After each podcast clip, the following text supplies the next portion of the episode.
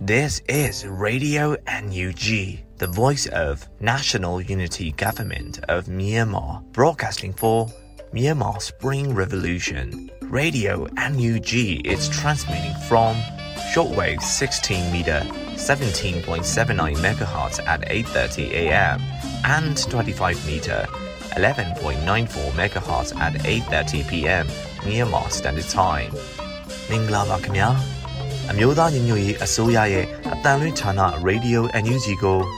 မနက်ပိုင်း၈နာရီခွဲမှာလိုင်းတို16မီတာ7.3 MHz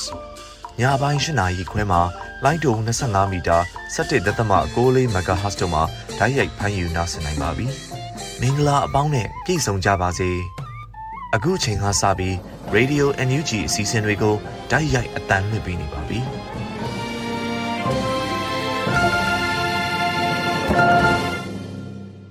မြန်မာနိုင်ငံသူနိုင်ငံသားအပေါင်းတဘာဝပြီးစစ်အာဏာရှင်ဘေးတို့ကနေကင်းဝေးပြီးကိုစိတ်နှပါကြမ်းမှလုံခြုံကြပါစေလို့ Radio NUG အဖွဲ့သားများကဆုတောင်းမေတ္တာပို့သလာရပါတယ်ရှင်။အခုချိန်မှစပြီးကာကွယ်ဝိညာဉ်ဌာနမှထုတ်ဝေသောစစ်ရေးတရေအကျဉ်းချုပ်ကိုတင်ဆက်ပေးသွားမှာဖြစ်ပါတယ်ရှင်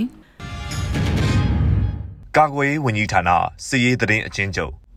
စစ်ကောင်စီနဲ့တိုက်ပွဲဖြစ်ပွားမှုတည်င်းများကိုတင်ဆက်ပေးပါမယ်။ချင်းပြည်နယ်တွင် ဇန်နဝါရီ12ရက်နေ့ညနေ4နာရီခန့်ကမတူပီမြို့နယ်မတူပီပလက်ဝလန်းအခြေဆိုင်ထွယ်ပွေးတပ်စခန်းရှိစစ်ကောင်စီတပ်ဖွဲ့ဝင်များကို CDF မတူပီကစနိုက်ပါဖြင့်ပစ်ခတ်ရာစစ်ကောင်စီတပ်သား2ဦးသေဆုံးခဲ့ကြောင်းသိရသည်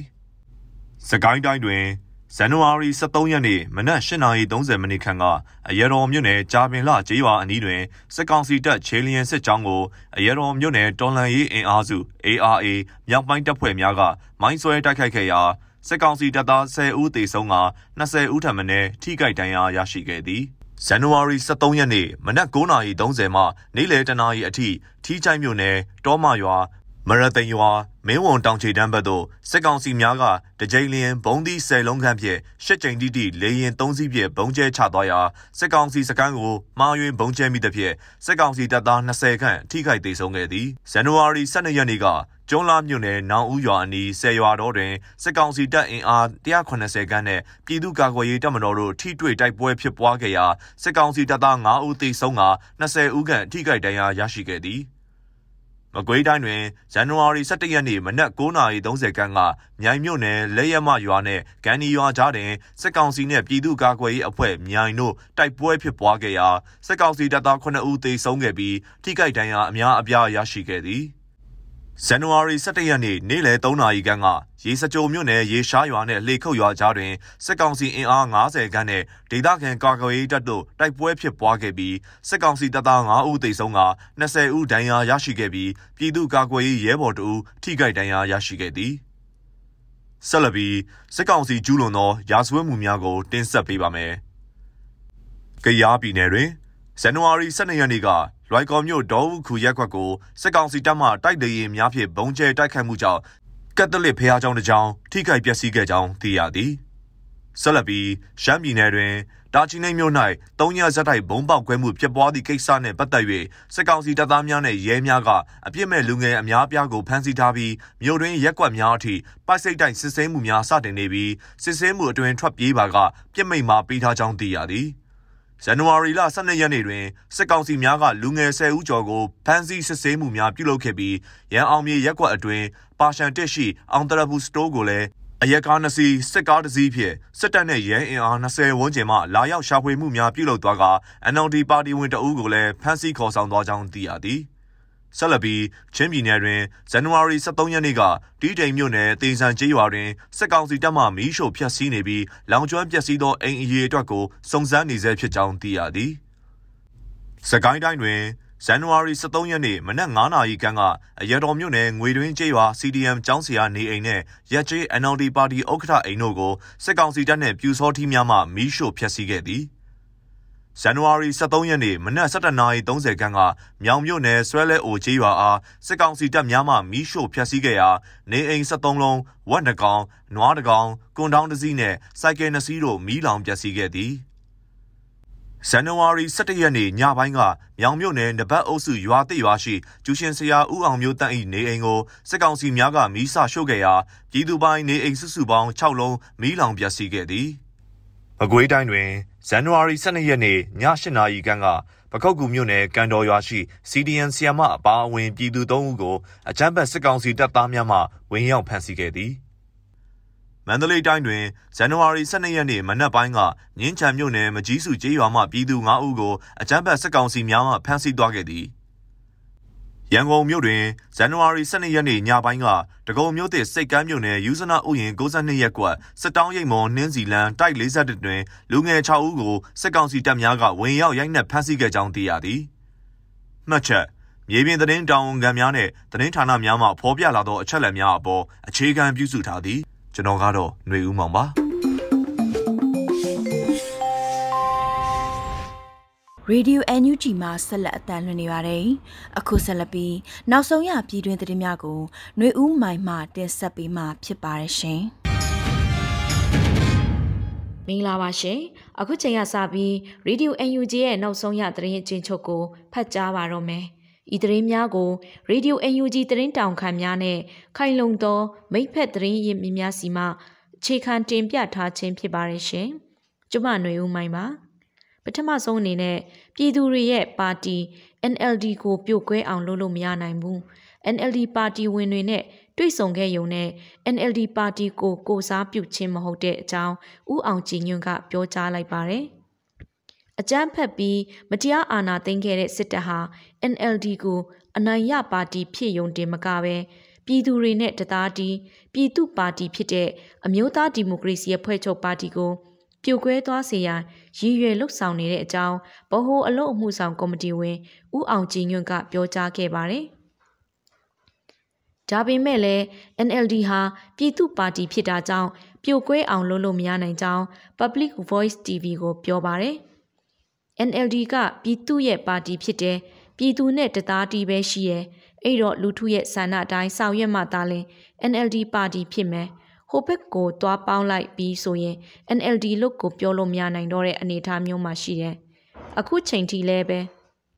သူတို့နဲ့တွားပြီးတော့ပေါင်းပါမယ်ဆိုပြီးတော့ထုတ်ပြောရဲတဲ့ထုတ်ပြောထားတဲ့ပုံကိုလည်းတူးတယောက်မှကျွန်တော်မတွေ့ရသေးဘူးတကယ်တမ်းကျတော့ပြည်သူတွေရဲ့ဟာကိုစန့်ကျင်ပြီးတော့လှုပ်သွားဖို့ဆိုတာအင်မတန်လွယ်ကူတဲ့ကိစ္စတော့မဟုတ်ဘူးဒါကြောင့် ဒီလိုနည်းနဲ့ကွဲမလားဆိုပြီးတော့ရည်ရွယ်ချက်နဲ့ပြောနေတာလည်းပဲအကျိုးသက်ရောက်မှုမရှိဘဲနဲ့အချင်းကြီးပဲဖြစ်လိမ့်မယ်လို့ကျွန်တော်ဒီလိုပြောချင်ပါတယ်လို့ဥအောင်ကြည်ညွန့်ကပြောပါတယ်အကြမ်းဖက်စစ်ကောင်စီရဲ့ပြောရေးဆိုခွင့်ရှိသူဇော်မင်းထွန်းကတော့အမျိုးသားဒီမိုကရေစီအဖွဲ့ချုပ်ကိုပြိုကွဲအောင်ရည်ရွယ်ချက်ထားရမှာအပြော့လိုင်းနဲ့အမာလိုင်းရှိရဆိုတာတွေကိုပြောကြားထားတာလည်းတွေ့ရပါတယ်ထိုကဲ့သို့စစ်အုပ်စုရဲ့ပြောဆိုချက်ကိုဥအောင်ကြည်ညွန့်က တုံ့ပြန်ပြောကြားရမှာအဲ့ဒါကတော့စစ်ကောင်စီကအခုပြောချင်တာပြောပြီးလှုပ်ချင်တာလုပ်နေတာကဘာတိဖြစ်နေပြီးစောစောပိုင်းကတမျိုးပြောတယ်နောက်တော့တမျိုးပြောတယ်အခု NLD ပါတီကအခု NLD ပါတီထဲကနေပြီးတော့ကွဲထွက်လာမလားဆိုတဲ့အမျော်နဲ့ထိုးကွဲဖို့ဆိုတဲ့ရည်ရွယ်ချက်မျိုးလည်းဖြစ်ကောင်းဖြစ်နိုင်တာပေါ့လေသူတို့ရဲ့ရည်ရွယ်ချက်ကဒါကိုတော့ကျွန်တော်သိပြီးတော့မစိုးရိမ်ဘူးဗျ။ ဘာဖြစ်လို့လဲဆိုတော့ NLD ပါတီထဲကနေပြီးတော့ NLD ပါတီကစစ်ကောင်စီနဲ့တွားပြီးတော့ပေါင်းမယ်ဆိုတော့အနေအထားမျိုးကတော့ဘလို့မှပေါ်ပေါက်လာမှာမဟုတ်ဘူးလို့ပြောပါတယ်။2021ခုနှစ်ဖေဖော်ဝါရီလတရက်နေ့မှာရွေးကောက်ခံလွှတ်တော်ကိုယ်စားလှယ်များဖြင့်ပထမဦးဆုံးလွှတ်တော်တက်မဲ့အချိန်မှာပဲစစ်တပ်ကလက်နက်အားကိုဖြင့်သမရအပါဝင် ပါတီခေါင်းဆောင်များအားလုံးနီးပါးကိုဖမ်းဆီးခဲ့တာဖြစ်ပါတယ်။ ခုလိုဖမ်းဆီးထောင်ချတပ်ဖြတ်မှုတွေ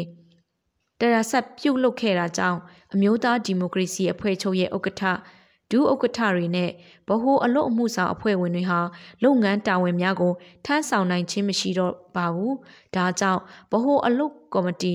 CWC ကိုဖွဲ့စည်းခဲ့ပြီးတရားဝင် NLD ပါတီအနေနဲ့ပါတီရဲ့လုပ်ငန်းတာဝန်များကိုဆက်လက်လှုပ်ဆောင်နေတယ်လို့ဆိုပါတယ်။ဗဟိုအမှု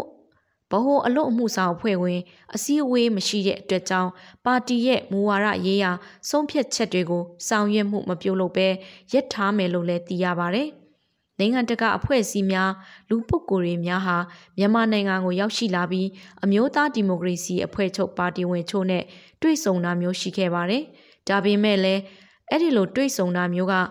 NLD ပါတီကိုကိုစားမပြုတ်ကြောင်းနဲ့တွေ့ခဲ့တဲ့သူတွေကိုယ်တိုင်တောင်း တွေ့ဆုံခဲ့ပါတယ်ဆိုတာမျိုးတရားဝင်ထုတ်ပြန်ချက်ထုတ်တာမျိုးမတွေ့ရသေးဘူးလို့ဦးအောင်ကြည်ညွန့်ကအတိပေးပြောကြားခဲ့ပါတယ်ရှင်။ဆက်လက်ပြီး PDF ခေါင်းဆောင်ကိုပြစ်မှတ်ထားဖမ်းဆီးဖို့စ조사ရာကရွာသားတွေကိုစစ်ကောင်စီကအကြမ်းဖက်နှိပ်စက်ခဲ့တဲ့တဲ့င်းကိုတင်ပြပေးပါမယ်။ဇန်နဝါရီလ10ရက်နေ့ကအကြမ်းဖက်စစ်ကောင်စီတပ်တွေဟာမြေပြင်တပ်များတာမကတော့ပဲလေကြောင်းစစ်ရဟရင်များပါသုံးပြီးပလဲ PDF ခေါင်းဆောင်ကိုဖမ်းဆီးနိုင်ဖို့ စ조사နေတယ်လို့သိရပါဗျ။ချင်းတွင်းမြစ်အနောက်ဘက်ကမ်းစကိုင်းတိုင်းပလဲမြို့နယ်တဲကအုံနှောက်ကျေးရွာကိုဇန်နဝါရီလ10ရက်နေ့ကနေ12ရက်နေ့ထိဝင်ရောက်စီးနင်းနေရယူပြီးဒေသခံ PDF ခေါင်းဆောင်ဘိုးနဂါးကို ပိုက်စိတ်ထိုက်ရှာပွဲခဲ့ကြတာဖြစ်ပါတယ်။လူတွေကိုတနတ်တွေနဲ့လေပင်ကိုထောက်ပါသမျှရွှေငွေပစ္စည်းအကုန်ယူတရွာလုံးကယောက်ျားသားတွေဆိုရင်ကြီးကြီးငယ်ငယ်အကုန်ဖမ်းလက်ပြန်ကျိုးနဲ့တုပ်နှိပ်ဆက်ရက်နှစ်ပြီး ငကားပင်မှာရုံးကြီးပဲမေးတာလို့ဒေသခံတယောက်ကပြောပါတယ်။စစ်ကောင်စီတပ်တွေဟာလူထုတောက်ခံမှုအားကောင်းရုံသာမကစီယုံရေးစွမ်းရည်နဲ့တိုက်ခတ်ရေးစွမ်းရည်ပါပြည့်ဝမှုကြောင့်ထင်ရှားလာတဲ့ဘိုးနဂါးကိုစစ်ရဟတ်ရင်လေးစီးအထိအသုံးပြုကာအုံနှောက်ရွာတွင်ကိုတက်ပြန့်ပြီးဖမ်းဆီးမိနိုင်ရဲ့အတွက်အားထုတ်ခဲ့ပါတယ်။ဘိုးနဂါးနဲ့အတူအခြားဒေသခံ PDF ခေါင်းဆောင်တွေရွာမှာစီးဝေးလို့နေတယ်ဆိုတဲ့သတင်းအရအခုလိုအပိုင်ဖမ်းဖို့ စ조사ကြပုံရတယ်လို့ဒေသခံတွေကပြောပါတယ်။ထွက်မပြေးခင်ပဲရွာမှာပိတ်မိခဲ့တဲ့ရွာသားလူငယ်တွေကိုစစ်ကောင်စီတပ်တွေဟာလူငယ်လေးတွေဆိုရင်ဓားတွေနဲ့လှီးကတ်ကျင်းနဲ့ထိုးနောက်ပြီးရိုက်နှက်အဲ့လိုရဲရဲဆက်ဆက်လုပ်တာလို့ဆိုပါတယ်အခုတော့စစ်ကောင်စီတပ်တွေဟာသူတို့ဖမ်းဆီးချင်စိတ်ပြင်းပြနေတဲ့ပလဲ PDF ကောင်းဆောင်ဘိုးနဂါးကိုဖမ်းဆီးနိုင်မှုမရှိဘဲဇန်နဝါရီလ12ရက်မှာတော့ရွာကနေထွက်သွားကြပြီဖြစ်ပါတယ်။ ဒါပေမဲ့အကြောင်းပြချက်မဲ့အသက်ခံရနိုင်တဲ့ဘေးအန္တရာယ်ကြောင့်ရွာသူရွာသားတွေဟာရွာရင်းကသူတို့အိမ်ကိုမပြန်ရေးကြသေးပါဘူး။ဇန်နဝါရီလ10ရက်နေ့ကအစမတန်လေးကျောင်းအင်အားသုံးပြီးခေါင်းဆောင်တအုပ်ကိုစီးနှင်းဝင်ဖမ်းတဲ့တရင်ဟာလူမှုကွန်ရက်ပေါ်မှာပြန့်နှံ့သွားခဲ့ပြီးနာမည်ကျော်ဘုံနကားကတော့သူ့အနေနဲ့ကင်းကင်းနဲ့ချင်းပြင်းတွေကိုရောက်နေခဲ့တာဖြစ်ကြောင်းကိုယ်တိုင်ရိုက်ထားတဲ့ဗီဒီယိုဖိုင်တစ်ခုကနေပြီးစိုးရိမ်နေသူတွေကိုအသိပေးခဲ့တာတွေ့ရပါတယ်။ ခုခံတွန်းလှန်စစ်ပြင်းထန်နေပေမဲ့အင်အားတာလွန်တဲ့စစ်ကောင်စီတပ်တွေဟာပြည်သူလူထုရဲ့ထောက်ခံမှုအားနဲ့အစွမ်းထက်နေတဲ့ PDF တွေအပေါ်တံပြန်နေနေနိုင်ဖို့မစွမ်းပဲရှိနေပါသေးတယ်။အခုဆိုရင်စက်တင်ဘာလကလေးကစလို့ပြင်းထန်ခဲ့တဲ့မြေပြင်တိုက်ပွဲများမှာပလဲမြို့နယ်အပါဝင် စကိုင်းတိုင်းတဝက်ကိုအကြမ်းဖက်စစ်တပ်က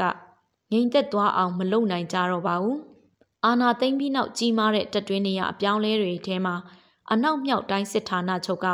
တိုင်းမူဖြိုးတန့်တယောက်ရာထူးပြောင်းရွှေ့ခံရတဲ့ဖြစ်စဉ်လဲပါဝင်သွားခဲ့ပါတယ်။စစ်ကောင်စီတွေရဲ့အညိုးတကြီးနဲ့ဖမ်းဆီးဖို့အခုလိုစ조사လာရအောင်ထိပလဲ PDF ကောင်းဆောင်တဲ့တပ်ဖွဲ့ဝင်တွေစွမ်းဆောင်နိုင်ခဲ့တာကတော့လာသမျှစစ်တပ်ကားရန်တွေကို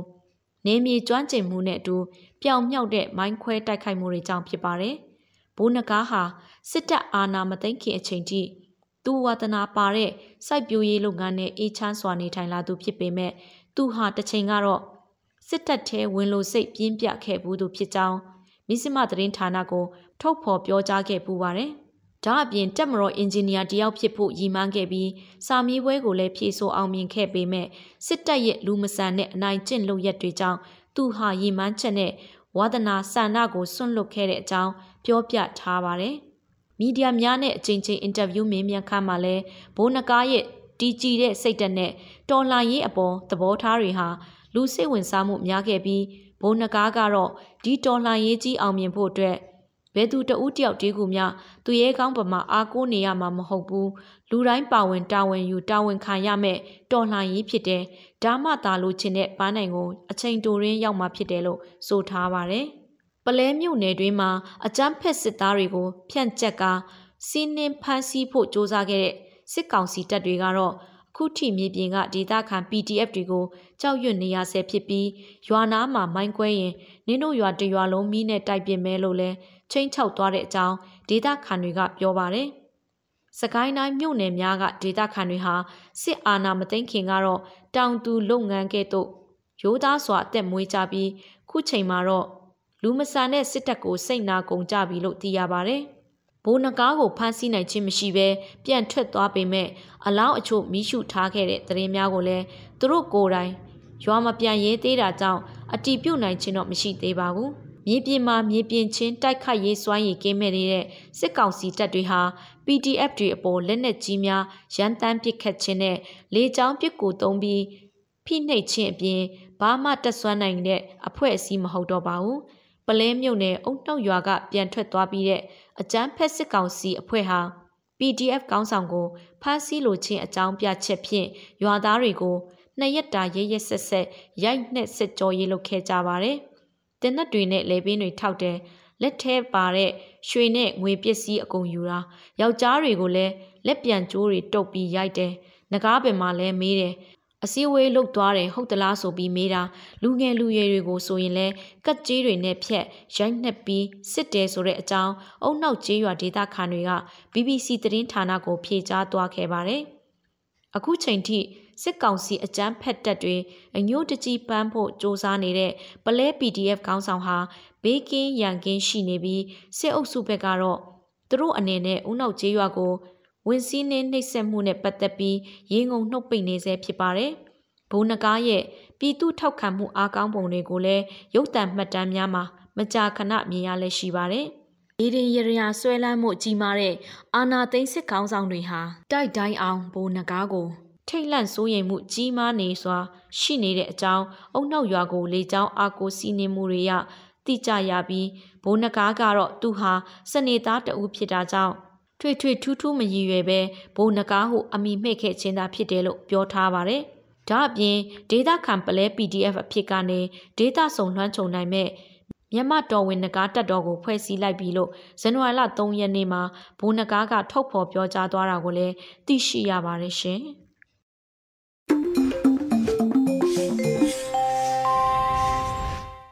Radio NUG မှာဆက်လက်အသံလွှင့်နေပါတယ်။အခုဆက်လက်ပြီးပြည်သူခုခံတော်လှန်စစ်တမ်းများကိုຫນွေဦးလင်းအိမ်မှတင်ဆက်ပေးမှာဖြစ်ပါတယ်ရှင်။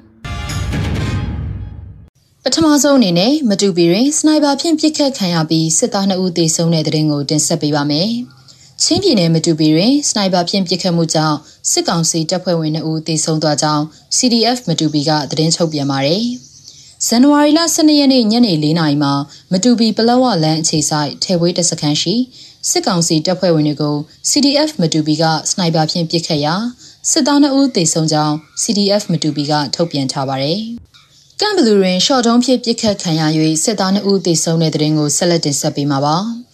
စကိုင်းတိုင်းကမ်ဘလူးတွင်ဈေးဝယ်ပြန်လာတဲ့စစ်ကောင်စီတပ်ဖွဲ့ဝင်2ဦးကိုရှော့တုံးဖြင့်ပစ်ခတ်ရာ2ဦးလုံးသေဆုံးကြောင်းကမ်ဘလူး Underground Warriors KBU UG အဖွဲ့ကသတင်းထုတ်ပြန်ပါတယ်။ဇန်နဝါရီလ12ရက်နေ့လယ်ပိုင်းကကမ်ဘလူးမြို့နယ်ထန်းကုန်းရွာမှာဈေးဝယ်ပြန်လာတဲ့စကားဆ2ဦးကိုထန်းကုန်းနဲ့ဈေးပင်သာရွာကြားမှာအဝေးထိန်တူမီဖြင့်ပစ်ခတ်ခဲ့ရာ2ဦးစလုံးသေဆုံးခဲ့ခြင်းဖြစ်တယ်လို့သိရှိရပါတယ်။ကရားပြည်နယ်လွိုက်ကော်မှာကင်းမုံစစ်သား3ဦးတိုက်ခိုက်ခံရလို့သေဆုံးတဲ့တဲ့ရင်ကိုဆက်လက်တင်ဆက်ပေးပါမယ်။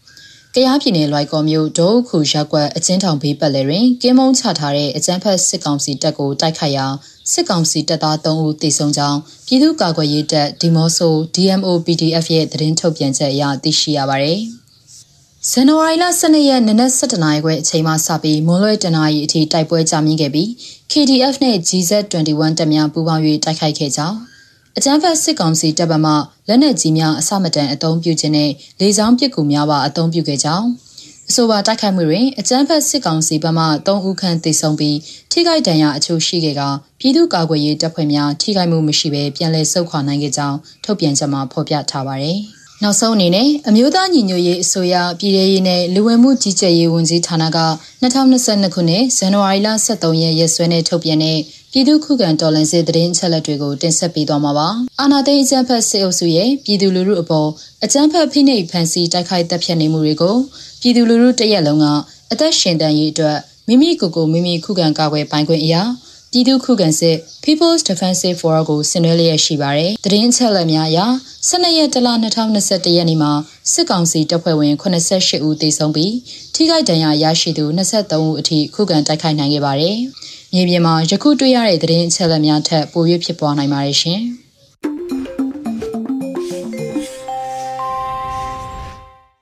ရေဒီယို NUG မှာဆက်လက်အသံလွှင့်နေပါတယ်။အခုဆက်လက်ပြီးနေ့စဉ်သတင်းများကိုမျိုးတော်တာမှတင်ဆက်ပေးမှာဖြစ်ပါရရှင်။ အခုပထမဆုံးတင်ဆက်ပေးမယ့်သတင်းကတော့အကြမ်းဖက်စစ်ကောင်စီရဲ့လေကြောင်းတိုက်ခိုက်မှုတွေနဲ့ပတ်သက်ပြီးတော့အမျိုးသားညီညွတ်ရေးအစိုးရကဒီနေ့ရက်စွဲနဲ့ကြေညာချက်အမှတ်3မြင်းဆောင်2022ကိုထုတ်ပြန်လိုက်တဲ့ဆိုတဲ့သတင်းတင်ဆက်ပေးပါမယ်။ အကြမ်းဖက်စစ်ကောင်စီရဲ့လေကြောင်းတိုက်ခိုက်မှုတွေနဲ့ပတ်သက်ပြီးတော့အမျိုးသားညီညွတ်ရေးအစိုးရကဒီနေ့ရက်စွဲနဲ့ကြေညာချက်အမှတ်3မြင်းဆောင်2022ကိုထုတ်ပြန်လိုက်ပါတယ်။ထုတ်ပြန်ချက်ထဲမှာတော့အကြမ်းဖက်စစ်ကောင်စီကကချင်ပြည်နယ်၊ကရင်ပြည်နယ်၊ကရင်နီပြည်နယ်၊ချင်းပြည်နယ်၊ရှမ်းပြည်နယ်၊စကိုင်းတိုင်းနဲ့မကွေးတိုင်းတို့အတွင်းရှိအယက်သားပြည်သူတွေနေထိုင်ရာမြို့နယ်ကျေးရွာများကိုပြစ်မှတ်ထားပြီးလေကြောင်းတိုက်ခိုက်မှုတွေအကြိမ်ကြိမ်ပြုလုပ်ခဲ့ကြောင်းနဲ့ရင်းတို့လူသားချင်းစာနာထောက်ထားမှုကင်းမဲ့သောစိုးဝါပြင်းထန်လှတဲ့လေကြောင်းနဲ့အင်အားသုံးတိုက်ခိုက်မှုတွေကြောင့်ထောင်ပေါင်းများစွာသောဒေသခံတိုင်းရင်းသားပြည်သူတွေရဲ့အသက်အိုးအိမ်စီးစိမ်တွေကိုကြီးမားစွာထိခိုက်နေတာဆုံးရှုံးစေခဲ့ပါတယ်။ ယခုလိုအကြမ်းဖက်စစ်ကောင်စီရဲ့လေကြောင်းနဲ့အင်အားသုံးတိုက်ခိုက်မှုတွေကြောင့်ဒေသခံတိုင်းရင်းသားပြည်သူတွေက၎င်းတို့ရဲ့နယ်မြေဒေသတွေကိုစွန့်ခွာပြီးဘေးလွတ်ရာဒေသတွေကိုထွက်ပြေးတိမ်းရှောင်နေကြရလို့စစ်ပေးရှောင်ပြည်သူဥယျာဉ်မှာလည်းတိုးသက်ထက်တိုးလာနေသလိုဒေသခံတိုင်းရင်းသားတို့ရဲ့လယ်မြေတွေတောင်ယာတွေစိုက်ပျိုးသီးနှံတွေပျက်စီးဆုံးရှုံးကြရပြီးနေအိမ်များတာတဏီကအဆောက်အအုံများစေယုံစေခန်းများစာသင်ကျောင်းများထိခိုက်ပျက်စီးခဲ့ရပါတယ်။ ဒါအပြင်တက်ကြီးရွယ်အိုတွေအမျိုးသမီးနဲ့ကလေးသူငယ်တွေယောဂဝေဒနာခံစားနေရသူတွေចောင်းသားចောင်းသူတွေရဲ့လူမှုဘဝလုံခြုံမှုကင်းမဲ့နေကြရပြီးဘေးလွတ်ရာဒေသတွေကိုထွက်ပြေးတိမ်းရှောင်နေကြရတဲ့အတွက်၎င်းတို့ရဲ့စားဝတ်နေရေးနဲ့ကျန်းမာရေးပညာရေးကိစ္စတွေအပါအဝင်အခက်အခဲပေါင်းများစွာရင်ဆိုင်တွေ့ကြုံနေကြရပါတယ်။ အကြမ်းဖက်စစ်ကောင်စီက၎င်းတို့အာဏာတည်မြဲရေးတစ်ခုတည်းကိုသာရှေ့ရှုပြီးအယက်သားပြည်သူတွေနေထိုင်ရာနယ်မြေဒေသတွေအပေါ်မြို့လုံးကျွရွာလုံးကျွနေပါထိခိုက်ပျက်စီးစေတဲ့အထိလေကြောင်းတိုက်ခိုက်မှုတွေနဲ့လက်နက်ကြီးများဖြင့်ပစ်ခတ်တိုက်ခိုက်မှုတွေယခုကဲ့သို့စိုးဝါးပြင်းထန်စွာအကြိမ်ကြိမ်ကျူးလွန်တိုက်ခိုက်နေတဲ့လုပ်ရက်တွေက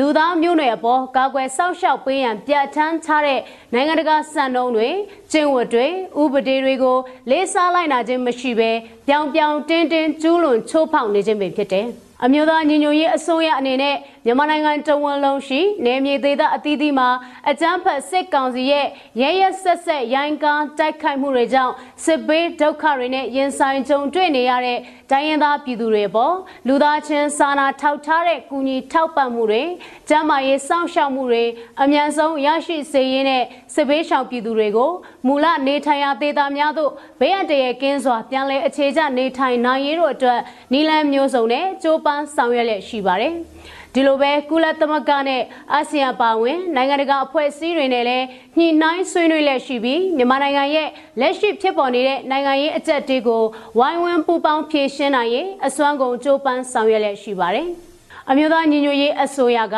အကြမ်းဖက်စစ်ကောင်စီရဲ့လူမဆန်သည့်လုပ်ရက်တွေအပြစ်မဲ့တိုင်းရင်းသားပြည်သူတွေအပေါ်ညှာတာမှုကင်းမဲ့စွာအင်အားသုံးတိုက်ခိုက်မှုတွေလေကြောင်းနဲ့ဘုံကျဲတိုက်ခိုက်မှုတွေလက်နက်ကြီးတွေနဲ့အဆက်မပြတ်ပစ်ခတ်တိုက်ခိုက်မှုတွေကိုထိရောက်စွာတုံ့ပြန်အရေးယူဟန်တာနိုင်ရေးအတွက်တိုင်းရင်းသားပြည်သူတရက်လုံးနဲ့အတူတကွလက်တွဲပူးပေါင်းဆောင်ရွက်သွားမှာဖြစ်ပါတယ်။ ဒါအပြင်အာဏာသိမ်းစစ်ကောင်စီရဲ့လူမဆန်တဲ့အကြမ်းဖက်လုပ်ရက်တွေနိုင်ငံတကာလူအခွင့်အရေးနဲ့လူသားချင်းစာနာမှုဆိုင်ရာဥပဒေတွေကိုချိုးဖောက်မှုတွေကြီးလေးတဲ့စိတ်ရာဇဝတ်မှုကျူးလွန်မှုတွေအပေါ်စင်ဆက်မပြတ်စောင့်ကြည့်ပြီးနိုင်ငံတကာဥပဒေတွေနဲ့အညီအရေးယူဆောင်ရွက်မှုများအမြန်ဆုံးဆောင်ရွက်နိုင်ရေးအတွက်ကုလသမဂ္ဂနဲ့အာဆီယံအပါအဝင်နိုင်ငံတကာအသိုက်အဝန်းနဲ့လက်တွဲကြိုးပမ်းဆောင်ရွက်လျက်ရှိကြောင်းအသိပေးအပ်ပါတယ်ဆိုပြီးဖော်ပြထားတာတွေ့ရပါတယ်။ ဒါကတော့ဇန်နဝါရီလ23ရက်နေ့စစ်အာဏာရှင်အမြင့်ပြတ်ချင်းမုံရေးသတင်းတွေကိုစူးစီးတင်ဆက်ပေးခဲ့တာဖြစ်ပါတယ်။ကျေးဇူးတင်ပါတယ်ရှင်။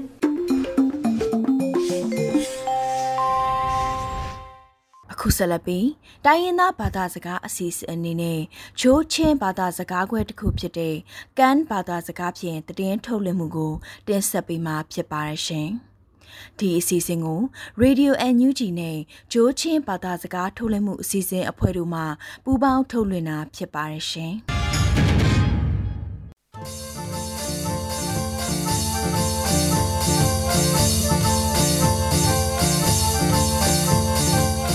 အန်ယူဂျီခရိုရေဒီယိုနမ်ငါယပင်ဘွေပေါ်စခရန်းနမ်ဝန်နမ်ရာယိုဒီလာကုတ်ကန်တုကဝထန်ကန်ထဲနုကေခာကေလျန်ဆာလာကကရိုင်မင်ဒတ်အော့တူဘေအန်နလာကေလာမာ amkha akruna gi oi thang january le e ni ba min da de ka nen badu la sit pangi rai kap the tu ya ammo do ka ko kip on pan hi kha min da ctf tu en le sen he mang ba da anama upungen mu ba nga na ya ka bu ku akhan hu ba le sen nga mang ba ctf min da tu en pung yam on anaka bun rai kap adum da shiu ku ti la pi nam shu ki tu en te ku ku akha so rai kap the tu en မင္ငါဆေပတိမောပိစုင္ပရောင်အဝန်မေအန်ခုမ်ခိဥပင္ဘတူဝင္လစစ်တုကတိလာယက်လောမ်က batu wange tuk ana ge oi thang January ni ruk hnu pin tin pungin batu on ha khai an la gi lam pui eng wange kho khilong on lung ho ye an la gi ra kap the tu on CTF batu tu anu la kap gru gati la yak lam ku am ka gru anu na ge dong a khilung khase tui bo khongang khoi omu pungi pinam aban dong dang gati la yak lam ku ရကပ်ထက်တွင်စေထူယူပင်အနာလောလစစ်ဥပင်ပရေပန်းဝင်ငွန်နုက boithei on khase analaka jinla sedni pungpan hi ho pangshi upungen january thleiden thipa ngon bayu ku nuta apum ampang phi reng khui le teng in alu shrop te pengrai kap the tui kuta phrong bai ke ti la yak lom ku january thei ni thup muwang leina ya batu on palekwai analaka thei bai khoi om pungi ရိုက်ကပ်တဲ့သူ CDF ဘဒူဘာငိစနိုက်ပိုင်းပငါကပ်မောက်ကူဇန်နဝါရီနိကွန်ထဘတင်ပငန် CDF ဘဒူ CDF ယုတ်တုံ CDF လောက်ဒူ CDF မရာဒူအနုပိုင်လာတုကအခုတီလာရက်လောမ်ကူအတူဘာငါအော့အိုင်ဖိကတ်ပငေကာတူအမ်လောနာခလတ်ဘိုင်တော့ငါအော့အိုင်ဝတ်ပါကတိလာခမအတူန်တက်ကူကူဘတူခပွေအော့အိုင်နင်းခပကူကူအွန်ကန်ကောဝါငေလပငလကရန် tu mangoi tu ana anui na ke donga ok ai tu vot va gadila batu khoma tun am tak na khom gu tu bai pata ta si paling at nga thong on li ho reng gadila am tak na om gu wa khoi oi thang wa khoa ngon shi tu ka nak tu adu na ke donga pi nam tung tinga tong group am im lo se ta upang ram phi la dong nang gadila uno chma an atak na om gu ရိုက်ကပ်ထတူင်အာနာအမ်ရူကိုနီခရာလေအတ်ခွေငွန်ချီကာကရူနက်တူအတာအုံနာကေဒေါငါအမ်အင်လူစေတောက်ပင်ဒေါနန်ပင်ปีนำตุงติงงาตองกรุกลกตีละจันวารีนิทุมนือปะ UNOCHA นลีเด็กฟานีอาวานเอยาเกละตึกนักอมคืออัมอิมโลร็อกวันดองน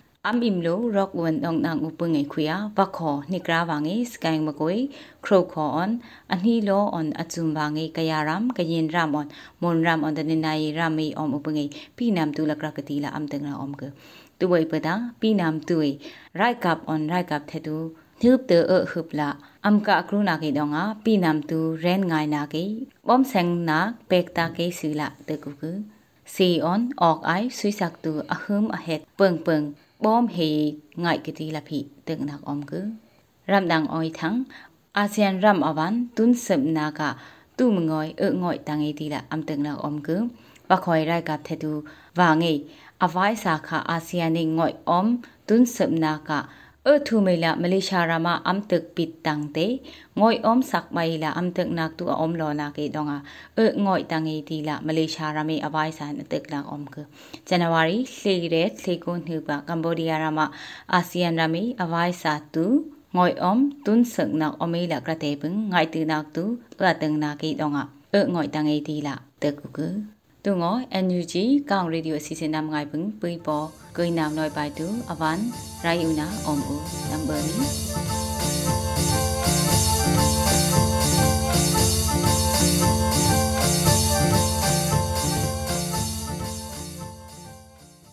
ဒီကနေ့ကတော့ဒီညနေပဲ Radio NUG ရဲ့အစည်းအဝေးကိုခਿੱတရရနိုင်ပါမယ်။ မြန်မာစံတော်ချိန်မနက်၈နာရီခွဲနဲ့ည၈နာရီခွဲအချိန်တွေမှာပြန်လည်ဆုံးဖြတ်ကြပါစို့ Radio NUG ကိုမနက်ပိုင်း၈နာရီခွဲမှာလိုင်းဒို16မီတာစက္ကန့်တက်သမ9 MHz ညပိုင်း၈နာရီခွဲမှာလိုင်းဒို25မီတာ17သက်သမ6 MHz တို့မှာဓာတ်ရိုက်ဖမ်းယူနားဆင်နိုင်ပါပြီမြန်မာနိုင်ငံသူနိုင်ငံသားများကိုယ်စိတ်နှပြကျန်းမာချမ်းသာလို့ဘေးကင်းလုံခြုံကြပါစေလို့ Radio NUG အဖွဲ့သူအဖွဲ့သားများကဆုတောင်းလိုက်ရပါတယ်။အမျိုးသားညီညွတ်ရေးအစိုးရရဲ့စက်သွေးရေးတရင်အချက်အလက်နဲ့ဤပညာဝန်ကြီးဌာနကထုတ်လွှင့်နေတဲ့ Radio NUG ဖြစ်ပါတယ်။ San Francisco Bay Area အခြေစိုက်မြန်မာမိသားစုများနဲ့နိုင်ငံတကာကစေတနာရှင်များလှုပ်အားပေးများရဲ့ Radio NUG ဖြစ်ပါတယ်